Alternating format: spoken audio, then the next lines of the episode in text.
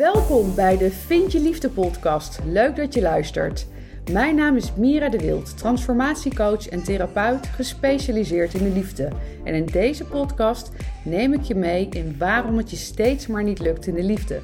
Je bent een succesvolle vrouw die alles goed voor elkaar heeft, maar toch komen steeds weer de verkeerde partners op je pad. Ben jij daar klaar mee en is het tijd voor jou om naar binnen te keren, zodat je wel de liefde gaat vinden? In deze podcast ontdek je hoe. Veel luisterplezier.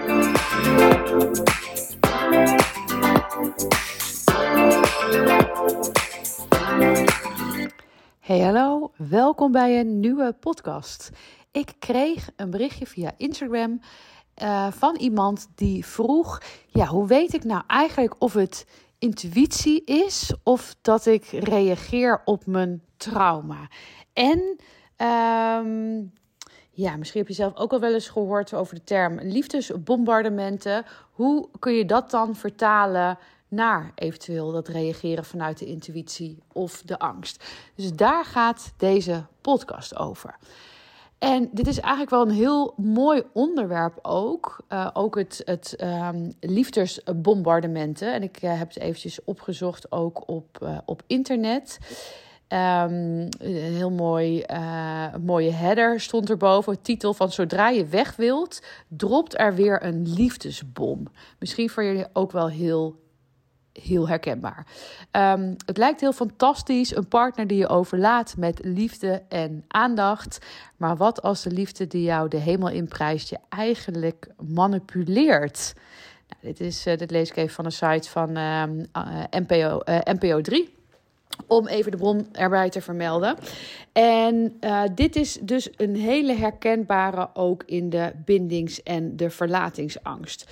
Dus dat wanneer jij weg wil gaan, dat de ander jou eigenlijk overlaat met de liefde. Wat ik hier interessant aan vind, is het manipulatieve uh, stuk hieronder. Maar ook uh, dat je dus eigenlijk vatbaar bent voor die liefdes, uh, liefdesbom. En oh, er, komen zoveel dingen in mijn hoofd die ik wil vertellen, dat ik nu even, even denk: oh, hoe ga ik dit allemaal, uh, allemaal structureren? Want het heeft ook zoveel te maken met um, dat je eigenlijk um, vergeet waarom je bepaalde keuzes hebt gemaakt. Dus vaak wanneer je een relatie wil beëindigen, is dat omdat iemand op een bepaalde manier met je om is gegaan, uh, waarin je in ieder geval niet heel erg happy was.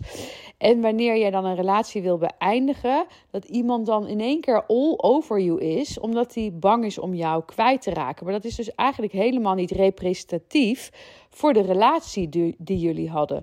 Want eigenlijk is dit al meteen een teken, mijn inziens, van een toxische relatie.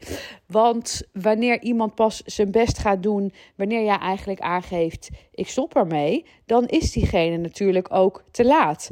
Ervan uitgaande en doorgaans uh, gebeurt dat wel in een relatie, dat wanneer je niet helemaal happy bent, dat je dat ook aangeeft bij de ander. Um, en als de ander daar dan niets mee doet, ja, dan is het bijna onoverkomelijk dat je op een gegeven moment de relatie beëindigt. En wanneer iemand dan pas heel veel moeite gaat doen, ja, vaak ben je dan toch al wel een, uh, een stapje te laat. Maar is hierin ook de rode vlag eigenlijk te, te herkennen dat het op een, ja, ik wil zeggen, niet gezonde manier is. Want er is natuurlijk niks mis mee dat je je best doet voor de ander. Of dat je misschien door omstandigheden de signalen van de ander niet goed genoeg hebt opgepakt. En dat wanneer de ander weg wil gaan, dat je in één keer schrikt en denkt: Oh, je wilt heel erg je best doen. Maar wanneer je de ander overlaat, dat is natuurlijk ook geen gezonde manier. En wat is dan uh, gezond? Hè? Ja, dat is natuurlijk sowieso uh, subjectief. Maar voor mij is dat dan dat je ook met elkaar daarin in gesprek gaat. En gaat het niet om in één keer die lovebombing te doen. Hè? Dus dat je de ander uh, in één keer heel veel cadeaus geeft. Of alles geeft wat ze wilt. Want dat is ook niet representatief voor een gezonde relatie. Dit is niet iets wat iemand blijvend vol gaat houden. Dus als het ergens daarin extreem is, ja, dan, dan mogen eigenlijk die rode vlaggen wel gaan, uh, gaan waaien. Van hier klopt er ergens iets niet. En wat heeft dat nou te maken met trauma? En hoe kun je vervolgens uh, weten wat nou trauma is en wat intuïtie is? Ik denk dat wij allemaal uh, kijk, iedereen heeft een, een, een intuïtie en ook een sterke intuïtie. Alleen door omstandigheden en ook de wereld waarin wij leven, waarin we niet per se gestimuleerd worden om te voelen, maar vooral heel veel vanuit ons hoofd uh, te denken, durven we er niet meer op te vertrouwen.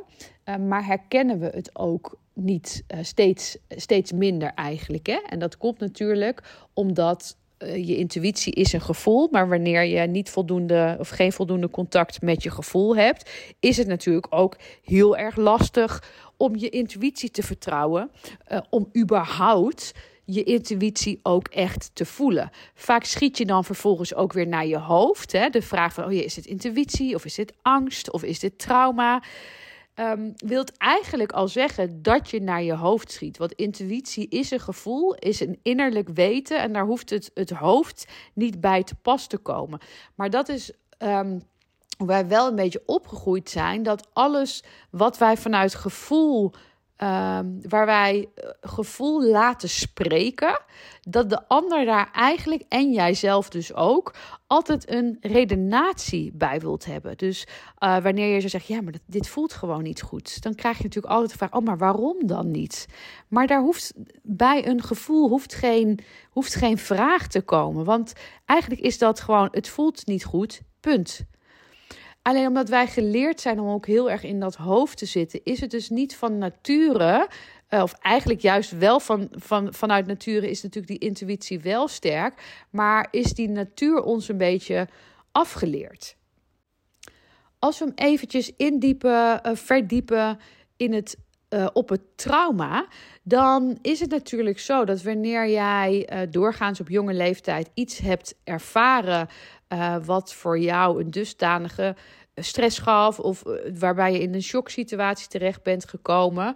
Uh, iets wat jij in ieder geval ja, hebt ervaren als trauma. Als je klein bent, ben je natuurlijk helemaal niet bezig van is dit trauma.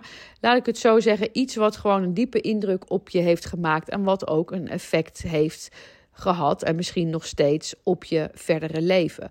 Wat natuurlijk doorgaans een overlevingsstrategie is bij iets uh, wat je hebt gevoeld, wat je hebt ervaren en wat je nog helemaal niet aankon, wat je niet hebt kunnen verwerken, is dat je naar je hoofd schiet. Oftewel, uh, je gaat juist niet in je gevoel zitten en je gaat juist dat hoofd meer gebruiken. En dat blijf je vervolgens doen, waardoor je veel meer in je hoofd zit en veel minder in je gevoel. Dan snap je natuurlijk dat het steeds moeilijker wordt om je intuïtie te gebruiken. Want je hebt eigenlijk ben jij getraind om vooral dat hoofd in te zetten. En uh, dat als je iets voelt, om dat vervolgens weer met je hoofd te redeneren. Als we kijken naar dat stukje lovebombing. Um, kijk, um, vaak ontstaat er door door, door trauma, en dan vooral trauma waar ik, waar ik zelf ook mee werk, dat je eigenlijk ergens een, vaak ook een tekort uh, hebt, uh, uh, hebt gehad. En vaak is dat een tekort aan liefde. Wat je natuurlijk als kind zijnde niet zo kan beredeneren. Hè? Van, oh, ik heb een tekort aan liefde. Dat is iets wat je later door veel innerlijk werk te doen... of door innerlijk werk te doen, door te reflecteren... waar je achter kan komen hoe, hoe dat eigenlijk bij jou is gegaan. En waarbij dus veel, wat vaak is, is gebeurd, wat ik net eigenlijk zei, dat er vanuit die, die, die situatie die diepe indruk op je heeft gemaakt, die je waarschijnlijk pijn heeft gedaan, waar je verdriet van hebt gehad, of, of een bepaalde angst of eh, frustratie, uh, dat je vanuit daar dus als overlevingsstrategie je hoofd in bent geschoten en waarschijnlijk nog andere dingen hebt gecreëerd om daar ook vooral in te blijven. En waarom wil je daarin blijven? Omdat er eigenlijk bij je, bij je gevoel, hè, dus, dus bij je borst, bij je hartchakra, bij je buik, dat is voor iedereen verschillend waar die, waar die pijn eigenlijk zit en waar die leegte vooral ook zit. Dus ik, ik, noem, dat voor, ik noem het voor het gemak even leegte. Kan voor jou een ander gevoel zijn. Hè? Kan een, een onrust zijn, een onbestemd gevoel, een bepaalde spanning of wat dan ook. Nou, dat, dat gooi ik eventjes op. Uh, op het gevoel een bepaalde leegte. Wanneer er een bepaalde leegte, leegte is, dan is dat niet fijn. En daarom is liefde of aandacht van een ander krijgen is heel prettig. Want wanneer jij jezelf eigenlijk in de, de ja, ik zeg altijd maar zo, de soort van de ondertoon, hè, dus dan kan, je, dan kan het zo zijn dat je leven eigenlijk helemaal prima is op, uh, op alle vlakken, maar dat er zo'n ondertoon is van niet echt oprecht gelukkig zijn of een, een, onder, een, een, een uh, onderwaartse stroom uh, onderwaarts gevoel, onderwaartse emotie van niet echt helemaal happy zijn. Wat vaak ook te relateren is aan het niet hebben van een fijne relatie. Dus die relatie, die kan voor jou die leegte opvullen. En ook dit vereist uh, zelfreflectie, zelfreflectie, omdat het niet altijd iets is waar je je heel erg bewust van bent. Misschien ben jij er wel bewust van, maar uh, ik had destijds, was ik me er echt niet bewust van, oh, ik heb een bepaalde leegte en ik wil dat die gevuld wordt met de, met de liefde. Helemaal niet. Ik voelde me gewoon doorgaans best wel kut, om het maar eventjes zo te zeggen. Was ik nooit oprecht gelukkig. Uh, had ik vaak last van depressieve buien kon ik me echt, echt ongelukkig voelen. Terwijl eigenlijk mijn leven verder helemaal prima was. En um, ja, dacht ik ook wel, nou, als die liefde komt, dan, uh, dan komt het allemaal goed. Maar had ik op dat moment nog niet de reflectie van: oh, dit is een leegte en ik wil dat die ander dat vult. En terwijl ik dat eigenlijk zelf uh, zou moeten doen. Daar ben ik natuurlijk wel achter gekomen door persoonlijke ontwikkeling en door het innerlijk werk te doen. Maar wanneer je dus een beetje die onderstroom hebt van ja, je niet helemaal lekker voelen. Hè, nogmaals, kan een onbestemd gevoel zijn, een eenzaamheid, je alleen voelen. Uh, het kan voor jou wel ook voelen als een, een, een leegte, je niet geliefd voelen. Voel, ervaar, ja, kijk maar even bij jezelf wat dat uh, voor jou is wanneer een ander je dan liefde of aandacht geeft, dan verdwijnt dat gevoel doorgaans. Dus dan reageer je eigenlijk vanuit je trauma op de ander. Dus wanneer de ander je in één keer gaat lovebommen en je bent daar mega vatbaar voor, dan is het doorgaans je reactie op je trauma. Uh, en ik zeg doorgaans, want niks wat ik zeg is natuurlijk zwart-wit. Er zijn altijd uitzonderingen. Um, maar doorgaans is dit wel wat er vervolgens aan de hand is. Want wanneer een relatie in de basis niet heel goed is of niet heel fijn is. Er is natuurlijk een bepaalde reden waarom jij een relatie beëindigt. En de ander gaat je in één keer overspoelen met, met um, liefde tussen aanhalingstekens.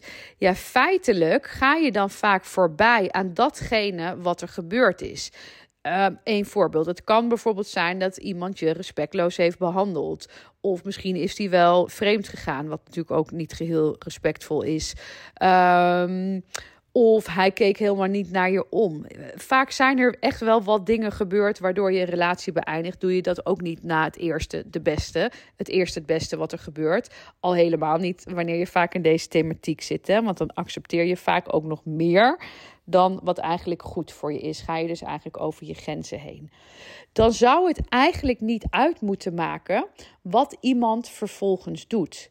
Nu ben ik echt wel van mening dat mensen eh, een tweede kans verdienen, dat mensen fouten kunnen maken. Maar ik ben ook van mening dat er bepaalde basics zijn waar iemand gewoon niet overheen gaat. En dat wanneer iemand dat wel doet, dat het, ja, dat het dan gewoon klaar is, omdat jij voor jezelf jezelf het allerbeste gunt. Dus als, als iemand op een bepaalde manier met je omgaat, ja, dat is gewoon een no-go. En dan maakt het feitelijk voor mij in ieder geval niet uit wat iemand daarna zou doen.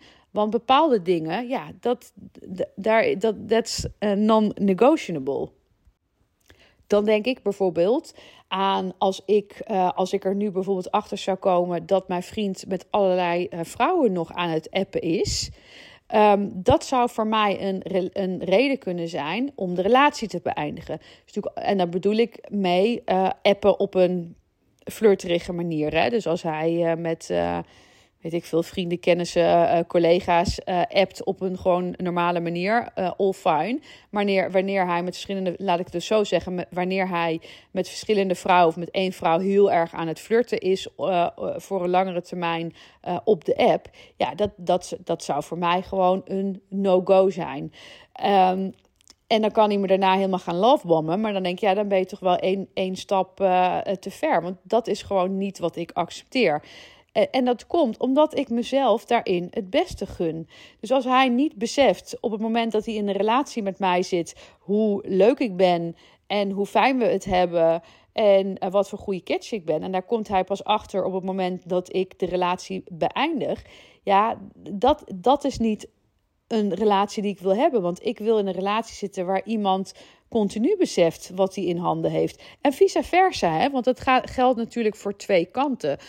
Maar wanneer jij dus, ondanks dat er in die relatie dingen gebeurd zijn die eigenlijk waarschijnlijk over je grenzen heen gingen. En doordat iemand in één keer op een vaak overdreven manier zijn best voor jou gaat doen, wat dus eigenlijk al een, een beetje een toxische sign is. Ja, dan reageer je dus vaak vanuit een, een trauma. Omdat wanneer jij die liefde ergens nog nodig hebt om, om die bepaalde liefde niet, uh, leegte niet te hoeven voelen, denk je op zo'n moment, oh, maar ik kan het toch krijgen, weet je, het, het kan toch gevuld worden. Terwijl ik op zo'n moment niet bang ben om alleen te hoeven zijn. Ik ben liever alleen, omdat ik weet dat ik zelf in mijn eentje ook super gelukkig ben. Uh, of ik nou met een partner ben of niet. Een partner is voor mij oprecht een aanvulling en geen invulling ga ik niet over mijn grenzen heen. Omdat het leven op alle. Het leven is, is goed als ik single ben. En het leven is ook goed wanneer ik in een relatie uh, zit. Als dat een goede relatie is. Want anders heb ik hem net zo lief niet. Omdat ik weet dat ik in mijn eentje ook gelukkig ben. Dus op die manier kan je eigenlijk kijken van reageer ik vanuit een trauma of reageer ik vanuit een intuïtie? Dus dat vereist dat jij heel oprecht en eerlijk naar de relatie kijkt waar je in zit of waar je in hebt gezeten. In hoeverre dat uh, acceptabel was of gewoon ver over je grens heen ging. Nogmaals, mensen mogen, mogen fouten maken, maar ja, het hangt wel uh, ervan af hoe groot die fout is. En daar zijn geen maatstaven voor, want wat voor mij een grens is, hoeft voor jou geen uh, grens te zijn. Hè? Daar zijn we allemaal verschillend in. Uh, is het alleen wel vaak zo wanneer je nog een beetje die leegte met je meesleept, dat je grenzen nogal vaag zijn of er überhaupt niet zijn.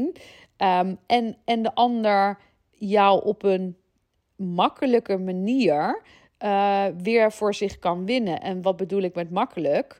Ja, door precies te zeggen wat je wil horen, door weer die cadeautjes te geven of uh, wat die dan ook doet. Nu kan ik me ook voorstellen dat op zo'n moment, want dat, dat was, stond ook in het berichtje wat ik kreeg, van oh ja, dat kan me dan in één keer ook benauwen. Um, en, en daarin is het ook eerlijk naar jezelf kijken van, hey, is dit, um, hoeverre was deze relatie oké? In hoeverre is die ander wel of niet over mijn grens heen gegaan? Is dit een fout die uh, nou, misschien wel te vergeven is, maar wat jij verder niet meer in je leven hoeft te hebben.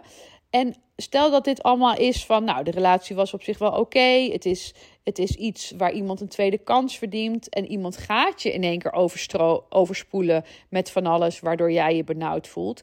Dan is het natuurlijk ook de spiegel naar jezelf pakken. Uh, en, en de reflectie naar jezelf leggen. Daarin ook voelen, hé, hey, maar wat gebeurt er nu eigenlijk? Uh, met mij? Is, is dit dus inderdaad een oude pijn die naar boven komt? De pijn ook van de verstikking, van de benauwdheid. En durf ik eigenlijk zelf dus ook niet die uh, verbinding uh, aan te gaan? Of is dit daadwerkelijk de ander?